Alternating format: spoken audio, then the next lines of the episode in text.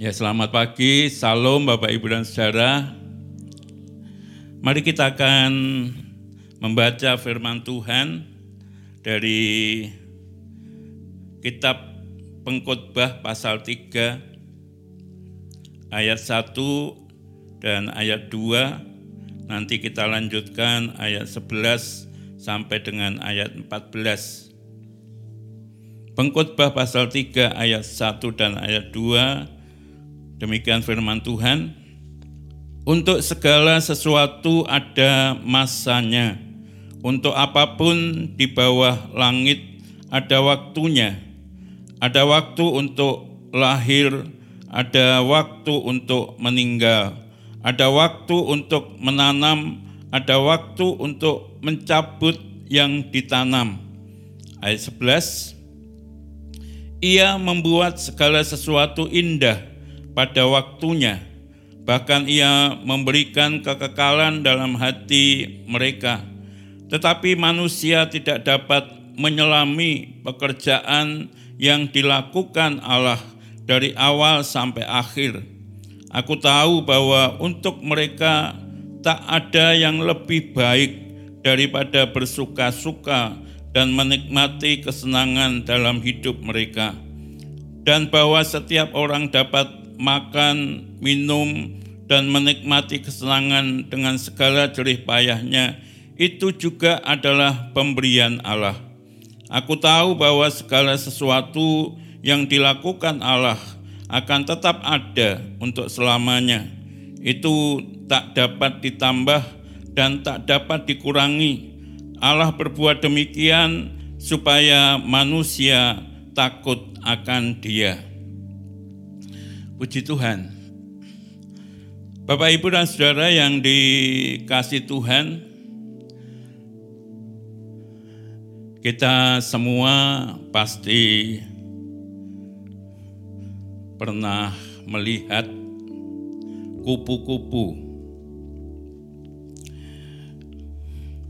Ada begitu banyak jenis atau spesies kupu-kupu yang pernah kita lihat. Ada yang kecil, ada yang besar, berwarna-warni. Dan kalau kita lihat, perhatikan semua indah. Sedap dipandang mata terbang ke sana kemari hinggap di bunga ya menghisap madunya. Kemudian terbang lagi berpindah ke bunga yang lain menghisap madu lagi dan seterusnya. Merupakan sesuatu yang menyenangkan ya, menyukacitakan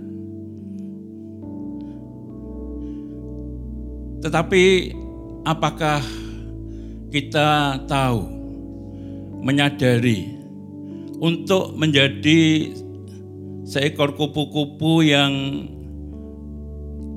bagus, indah, menyenangkan, itu memerlukan satu proses, memerlukan satu tahapan-tahapan yang sebetulnya tidak mudah untuk dijalani.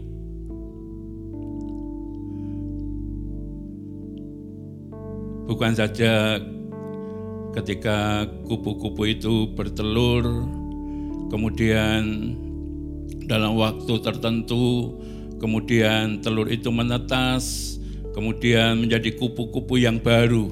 Tidak. Tapi binatang ini sangat boleh dikatakan istimewa dari telur kemudian menetas menjadi ulat. Nah setelah menjadi ulat kemudian menjadi kepompong. Nah dari kepompong ini kemudian baru menjadi kupu-kupu yang baru.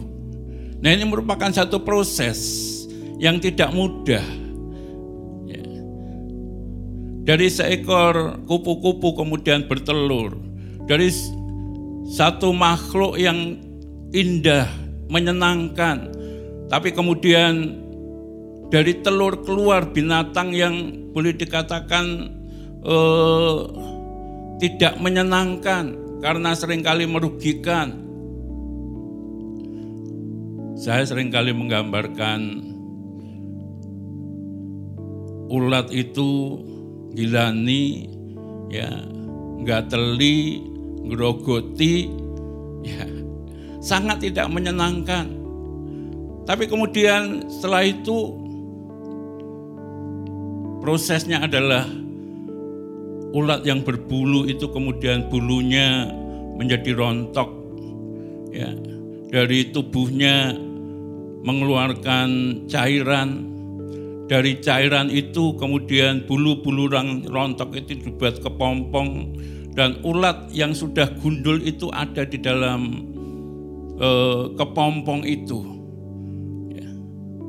bukan berarti kemudian mati tapi merupakan satu proses. Dari ulat menjadi kupu-kupu, dari kepompong yang boleh dikatakan eh, buntet itu kemudian kekuatan dari ulat yang ada di dalam kepompong itu kemudian berusaha untuk keluar. Ini bukan sesuatu yang mudah. Ya, kalau saya dulu mempelajari tentang hal ini, memperhatikan proses ini, ya satu proses yang tidak mudah tapi toh akhirnya bisa. Sekalipun tidak mudah, sekalipun sulit, tetapi akhirnya bisa menjadi kupu-kupu yang baru.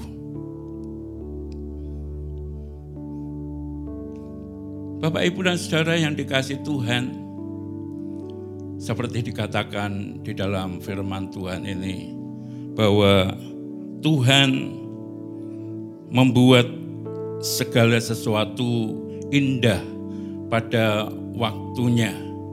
Sekalipun kita tidak bisa menyelami apa yang dikerjakan oleh Tuhan dari awal sampai akhir. Memang kehidupan kita ini sangat terbatas, kemampuan kita tidak seberapa, tetapi kita tahu bahwa di dalam proses yang dikerjakan oleh Tuhan, itu pasti ya. Semua Tuhan buat menjadi indah pada waktunya Tuhan. Dalam firman Tuhan ini juga dikatakan salah satunya ada waktu untuk menanam, tetapi juga ada waktu untuk mencabut apa yang ditanam. Pada waktu-waktu untuk menanam itu adalah satu proses di mana harus dengan susah payah menyiapkan lahannya, harus susah payah menyediakan benihnya, harus tahu waktunya bagaimana nanti tanaman itu bisa tumbuh dan lain sebagainya. Itu satu proses. Tapi proses-proses yang tidak mudah ini, yang sulit ini akhirnya bisa memetik apa yang ditanam itu. Di dalam perjalanan kehidupan kita sebagai umat manusia yang ada di dalam dunia ini. Tidak terlepas dari proses yang dikerjakan oleh Tuhan. Masing-masing bisa berbeda-beda, tapi proses itu pasti akan terjadi, dan kita tidak tahu ya, seperti apa yang sedang Tuhan kerjakan di dalam setiap kehidupan kita. Kita tidak bisa menyelami seluruhnya. Apa yang Tuhan rencanakan, apa yang Tuhan kehendaki, apa yang sedang Tuhan kerjakan di dalam setiap kehidupan kita. Tapi yang pasti bahwa semua Tuhan akan buat menjadi indah pada waktunya. Demikian juga saat-saat ini ketika kita bangsa Indonesia bahkan bukan bangsa Indonesia saja tapi juga seluruh bangsa-bangsa yang ada di muka bumi ini sedang menghadapi wabah virus corona. Di mana di Indonesia ini sudah hampir dua bulan diketahui bahwa ada virus corona, ada orang yang sudah positif terpapar virus corona ini sampai hari ini. Yang menjadi positif masih terus bertambah sekalipun jumlahnya sudah berkurang. Yang meninggal juga masih ada. Ya kita bersyukur bahwa yang sembuh sudah banyak. Tetapi toh masih terjadi sampai hari ini. Demikian juga dampak akibat dari mewabahnya virus corona ini kita ketahui bersama, bahkan kita rasakan bersama di mana perekonomian ya mulai terganggu, kemudian pendidikan mulai terganggu, kehidupan sosial masyarakat ya mulai terganggu, usaha pekerjaan mulai terganggu, pendapatan mulai berkurang, kita yang seharusnya bisa beribadah ya di gereja tetapi kita tidak bisa beribadah ke gereja. Sekalipun demikian kita tetap bisa mengadakan misbah-misbah keluarga di rumah masing-masing. Keadaan-keadaan seperti ini adalah merupakan satu proses kita percaya. Sekalian pun sulit untuk dipahami, sulit untuk dimengerti, tetapi kita sangat percaya bahwa nanti saatnya Tuhan akan membuat segala sesuatu indah. Kita sangat percaya bahwa Tuhan akan membuat semuanya indah pada waktunya. Maka Bapak Ibu dan Saudara yang dikasih Tuhan, kalau kita belajar dari kebenaran firman Tuhan, bagaimana seorang sadrah Mesah Abednego, orang-orang yang ada di pembuangan, mereka tetap hidup percaya kepada Tuhan di tengah-tengah kehidupan orang-orang yang tidak percaya kepada Tuhan. Dan ketika Raja Nebukadnezar pada waktu itu membuat patung emas untuk disembah dan memaklumkan semua harus menyembah kepada patung emas yang dibuat oleh Raja Nebukadnezar. Dan ketika Sadrah Mesa Abednego tidak mau menyembah diketahuinya dan kemudian mereka ditanya, apabila tidak mau menyembah patung emas yang dibuat oleh raja maka akan dimasukkan ke dalam dapur api. Itu bukan sesuatu yang mudah. Ya. Dihadapkan dengan masalah yang besar, ya keadaan yang sulit pada waktu itu. Taruhannya adalah nyawa. Demikian juga Daniel. Seorang yang bekerja dengan sungguh-sungguh, rajin, bersih. Ya. Kemudian banyak di antara rekan-rekan sekerjanya yang tidak senang. Maka mencari-cari kesalahan tidak ditemukan. Salah satunya adalah, oh Daniel menyembah kepada Allahnya, tidak menyembah kepada sesembahan raja.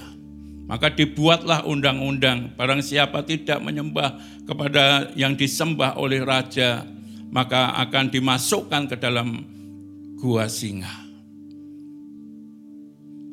Masalah persoalan terjadi.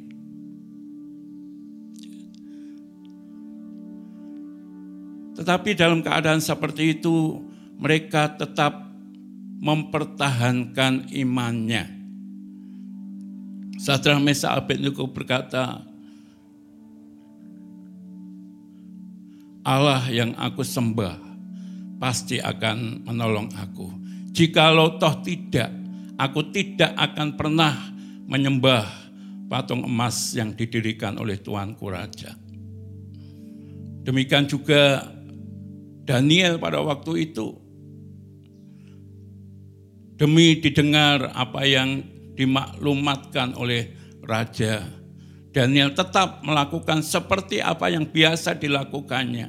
Tiga hari sehari, tiga kali sehari, tetap naik ke atas lotengnya, beribadah kepada Tuhan, menyembah kepada Tuhan.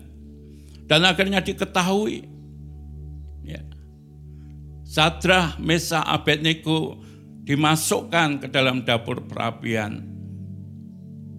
Daniel kemudian dimasukkan ke gua singa.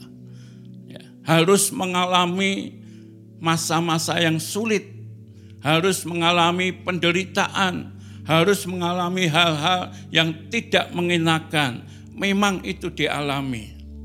Tapi dalam kesemuanya itu Tuhan tidak membiarkan Sadra Mesa Abednego Daniel mengalami hal-hal yang tidak baik. Sekalipun dimasukkan ke dalam dapur perapian,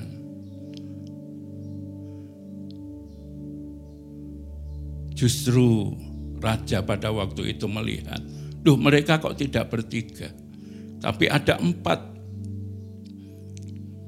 ada satu pribadi yang bersama-sama dengan mereka.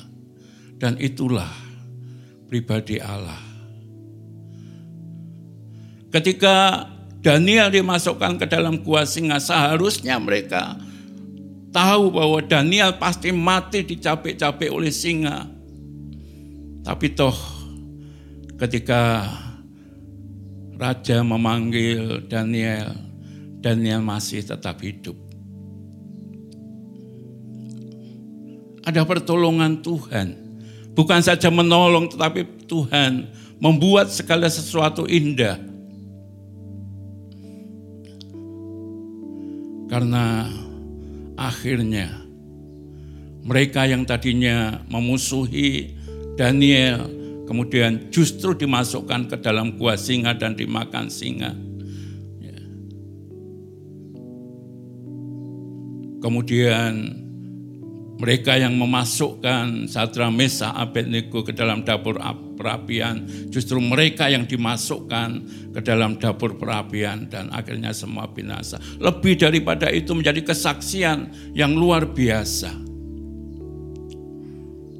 Raja memaklumkan bahwa semua negara-negara bawahannya agar supaya menyembah kepada Allahnya Sadra Mesa dan Abednego menyembah kepada Allahnya Daniel. Ada rencana-rencana yang besar di balik semua apa yang Tuhan izinkan terjadi. Sekalipun harus mengalami masa-masa yang sukar, masa-masa yang sulit, tetapi Tuhan senantiasa memberikan yang terbaik, menolong, bahkan punya rencana-rencana yang indah di balik semuanya. Pada masa-masa kekeringan, terjadi kelaparan di mana-mana. Pada waktu itu, Elia sebagai hamba Tuhan juga mengalami dampak dari semuanya itu. Tapi Tuhan tetap memelihara kepada Elia. Elia disuruh ke sungai Kerit. Sehingga bisa minum dari sungai itu. Dan Tuhan mengirim makanan lewat burung gagak. Roti, daging. Ketika air sungai Kerit sudah kering karena musim kemarau. Maka Tuhan memerintahkan Elia untuk pergi ke Sarfat. Dari Kerit sampai ke Sarfat bukan satu perjalanan yang pendek. Kalau lihat di peta itu cukup jauh. Tapi itu yang dilakukan oleh Elia. Dan di sana dipertemukan dengan seorang janda Sarfat. Janda yang tinggal memiliki tepung segenggam minyak sedikit. Dan kemudian Elia berkata kepada janda Sarfat, buatkan aku dulu. Bukan berarti Elia kok tego banget. Ya. Saya merenungkan kok tego banget, ternyata tidak. Itu rencana Tuhan. Dan akhirnya bukan saja Elia bisa diselamatkan, tapi juga janda Sarfat dan anaknya pun bisa diselamatkan karena mengutamakan hamba Tuhan. Apa yang dikatakan Elia, buat roti lagi dari tepung yang ada di tempayan. Dan itu terjadi terus sampai akhirnya hujan turun, sampai akhirnya musim tanam tiba, sampai akhirnya bisa panen lagi. Bukan waktu yang sedikit, pendek, tapi panjang. Tapi Tuhan tetap memelihara. Ada rencana-rencana Tuhan yang indah. Tuhan membuat segala sesuatu indah pada waktunya. Ini yang perlu kita pahami, Bapak Ibu dan Saudara yang dikasih Tuhan. Sekalipun perjalanan hidup ini tidak mudah, ada begitu banyak tantangan, ada begitu banyak kesulitan, masa-masa yang sukar boleh menerpa di dalam setiap kehidupan. Tetapi kita sangat percaya bahwa perjalanan ini tidak selamanya sama. Akan ada masa-masa yang sukar sulit memang. Ada masa-masa untuk menanam dengan penuh jerih lelah memang. Tapi pasti ada masa-masanya untuk menuai. Ada masa-masanya untuk bisa mengalami pertolongan demi pertolongan yang daripada Tuhan. Ada masa-masanya untuk mengalami kuasa keajaiban yang daripada Tuhan. Ada masa-masanya untuk mengalami janji-janjinya Tuhan. Oleh sebab itu, Bapak, Ibu, dan Saudara yang dikasih Tuhan, yang perlu kita lakukan adalah bahwa kita tetap percaya kepada Tuhan. Kita tetap bersandar kepada Tuhan. Kita tetap mengandalkan Tuhan di dalam segala perkara. Firman Tuhan mengatakan, "Jikalau bukan Tuhan, maka sia-sialah setiap usaha manusia." Manusia tetap harus berusaha, tetapi tidak dengan kekuatannya sendiri tidak dengan kemampuannya sendiri, tetapi kita tetap bersandar kepada Tuhan, mengandalkan kepada Tuhan. Karena dari Tuhanlah kita mendapatkan kekuatan, dari Tuhanlah kita mendapatkan jalan keluar, dari Tuhanlah. Kita mendapatkan pertolongan demi pertolongannya. Kalau kita membaca di dalam surat 1 Korintus pasal yang ke-10 ayat yang ke-13 dikatakan demikian. 1 Korintus pasal 10 ayat 13 Pencobaan-pencobaan yang kamu alami ialah pencobaan-pencobaan biasa yang tidak melebihi kekuatan manusia sebab Allah setia dan karena itu ia tidak akan membiarkan kamu dicobai melampaui kekuatanmu. Pada waktu kamu dicobai, ia akan memberikan kepadamu jalan keluar sehingga kamu dapat menanggungnya.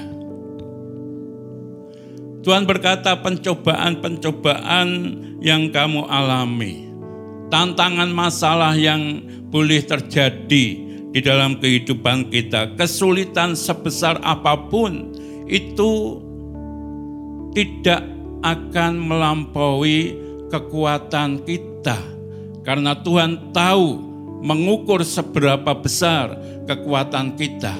Bukan hanya itu saja dikatakan bahwa Tuhan itu setia. Ketika kita menghadapi pencobaan-pencobaan, Tuhan akan bertindak, Tuhan akan memberikan jalan keluar. Seringkali kita berkata buntu, tidak ada lagi jalan keluar. Masalah persoalan yang kita hadapi begitu berat. Ya, kita berkata, kita menyerah. Tidak. Ketahuilah bahwa Tuhan itu setia. Setia dengan janjinya, setia dengan kasihnya dan Tuhan pasti ada bagi kita semua untuk memberikan pertolongannya, untuk menyatakan kasihnya, sehingga Tuhan memberikan jalan keluar. Ya, yang tadinya sudah buntu, tapi Tuhan membuka jalan. Sehingga sesuatu yang ajaib terjadi yang tidak mungkin menjadi mungkin, yang mustahil menjadi tidak mustahil. Ini yang perlu kita pahami, yang perlu kita percayai menghadapi masa-masa yang seperti ini. Ya, kita berkata pencobaan-pencobaan ini adalah pencobaan biasa, tidak melebihi kekuatanku karena Tuhan adalah kekuatanku. Ada Tuhan yang menyertai di dalam setiap kehidupan kita. Ada pertolongan yang sudah Tuhan siapkan bagi kita semua. Ya. Dan janji Tuhan itu pasti tidak akan tidak. Ya, Tuhan pasti akan mengenapi. Demikian juga di dalam kitab Yesaya pasal yang ke-40 ayat yang ke 31 dikatakan tetapi orang-orang yang menanti-nantikan Tuhan dalam terjemahan bahasa Indonesia sehari-hari dituliskan mengandalkan Tuhan. Tetapi orang-orang yang mengandalkan Tuhan mendapat kekuatan baru. Mereka seumpama raja wali yang naik terbang dengan kekuatan sayapnya.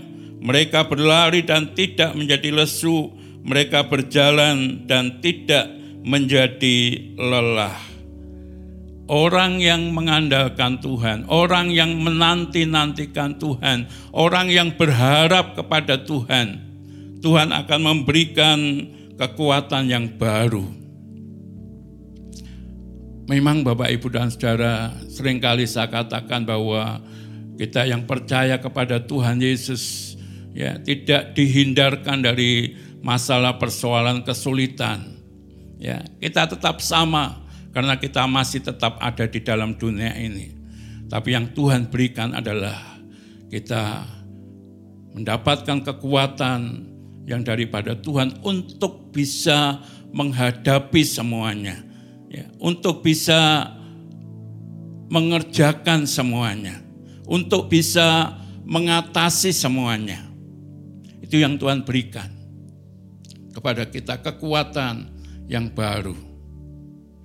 Bagikan Raja Wali yang terbang tinggi sehingga bisa mengatasi badai. Bukan saja bisa menempuh badai tapi bisa terbang di atas badai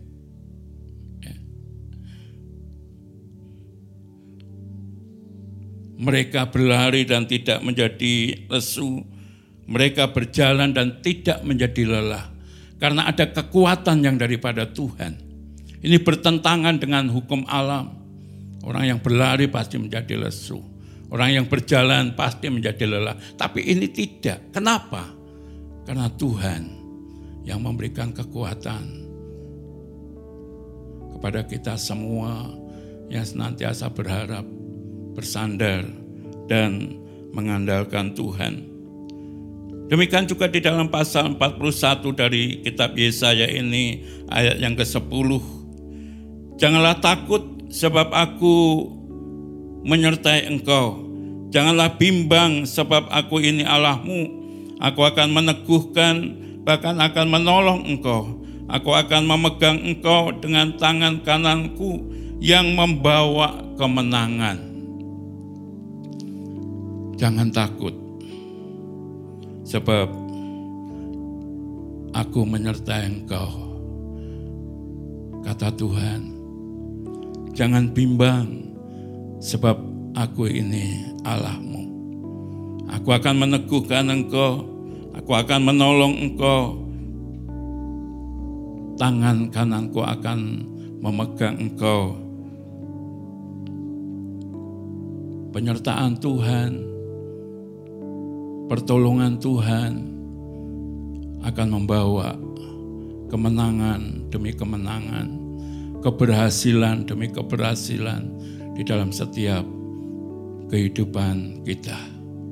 Oleh sebab itu, Bapak, Ibu, dan Saudara yang dikasih Tuhan, pada masa-masa sukar seperti ini, dampak dari wabah virus corona begitu meluas di segala lini kehidupan manusia. Tetapi satu hal yang firman Tuhan katakan, tetaplah percaya kepada Tuhan, tetaplah bersandar kepada Tuhan, tetaplah mengandalkan Tuhan. Karena Tuhan adalah pertolongan kita. Karena Tuhan yang menyertai di dalam setiap kehidupan kita. Di dalam Tuhan tidak ada perkara yang mustahil. Tetapi di tengah-tengah menghadapi masa-masa yang sukar ini, kita harus juga menyikapinya dengan bijaksana. Bapak, Ibu, dan Saudara yang dikasih Tuhan. Tadi dikatakan di dalam ayat yang ke-12, Aku tahu bahwa untuk mereka tak ada yang lebih baik daripada bersuka-suka dan menikmati kesenangan dalam hidup mereka. Sekalipun kita tidak mengerti jalan-jalannya Tuhan, apa yang sedang dikerjakan oleh Tuhan dari awal sampai akhir. Kok hidupku seperti ini? Mengapa demikian? Dan lain sebagainya. Tapi kita harus bijak. Bagaimana menyikapi keadaan yang seperti ini? Firman Tuhan, nikmatilah semuanya. Artinya jangan sampai kita mengeluh, jangan sampai kita putus asa, jangan sampai kita bersungut-sungut, tapi menikmati masa-masa yang sekalipun sukar, masa-masa yang sekalipun menyakitkan, masa-masa yang sekalipun mengkhawatirkan, tapi mari kita belajar untuk menikmati. Sehingga boleh mendatangkan sukacita dan ada damai sejahtera di dalam setiap kehidupan kita. Kalau kita menghadapi semuanya ini dengan rasa takut, khawatir, ya kita bersungut-sungut, kita mengeluh dan lain sebagainya, itu justru akan menghilangkan sukacita dan damai sejahtera yang daripada Allah di dalam setiap kehidupan kita. Tuhan mengatakan nikmati. Nikmati. Ya. Wong koyok ini kok dinikmati. Ya. Kalau Bapak Ibu pernah sakit gigi, saya pernah sakit gigi karena gigi saya sudah tanggal ya copot sebanyak 14 buah. Jadi kalau dihitung itu wah hampir separuh ya. Dan itu ketika copot ya bukan satu hal yang enak ya Bapak Ibu tahu sakit gigi itu lebih sakit daripada sakit-sakit yang lain. Orang sakit gigi tidak pernah ada yang besuk. Tidak ada yang besuk. Padahal sakitnya betul-betul sakit. Tapi kalau kita bisa menikmati itu indah. Ketika nyut nyut nyut. Ya begitu. Itu luar biasa. Tapi kalau kita menikmati kita sudah aduh yung aduh yung tapi kita berkata haleluya haleluya haleluya lama-lama sakitnya hilang itu atau kalau tidak hilang kita bisa tertidur. Sehingga tidak merasakan sakitnya. Ya kalau masih ada yang punya sakit gigi dicoba nantikan seperti itu. Ya kita menikmati ya. Tidak bersungut-sungut tapi kita memuji haleluya haleluya. Ya, luar biasa. Seorang ibu yang mau melahirkan ya berkata sakit luar biasa. Aduh, aduh, aduh, aduh. Itu memang yang harus dilalui. Tapi akhirnya Tuhan membuat indah. Ya, setelah lahir sakitnya lupa, hilang. Ya. Mari kita nikmati. Ya. Kemudian ayat 13 dikatakan, dan bahwa setiap orang dapat makan, minum, dan menikmati kesenangan dalam segala jerih payahnya, itu juga adalah pemberian Allah. Kita bersyukur bahwa semua itu oleh karena Tuhan. Kalau kita diberi kecukupan, kalau kita diberi kelimpahan, kita tetap bersyukur.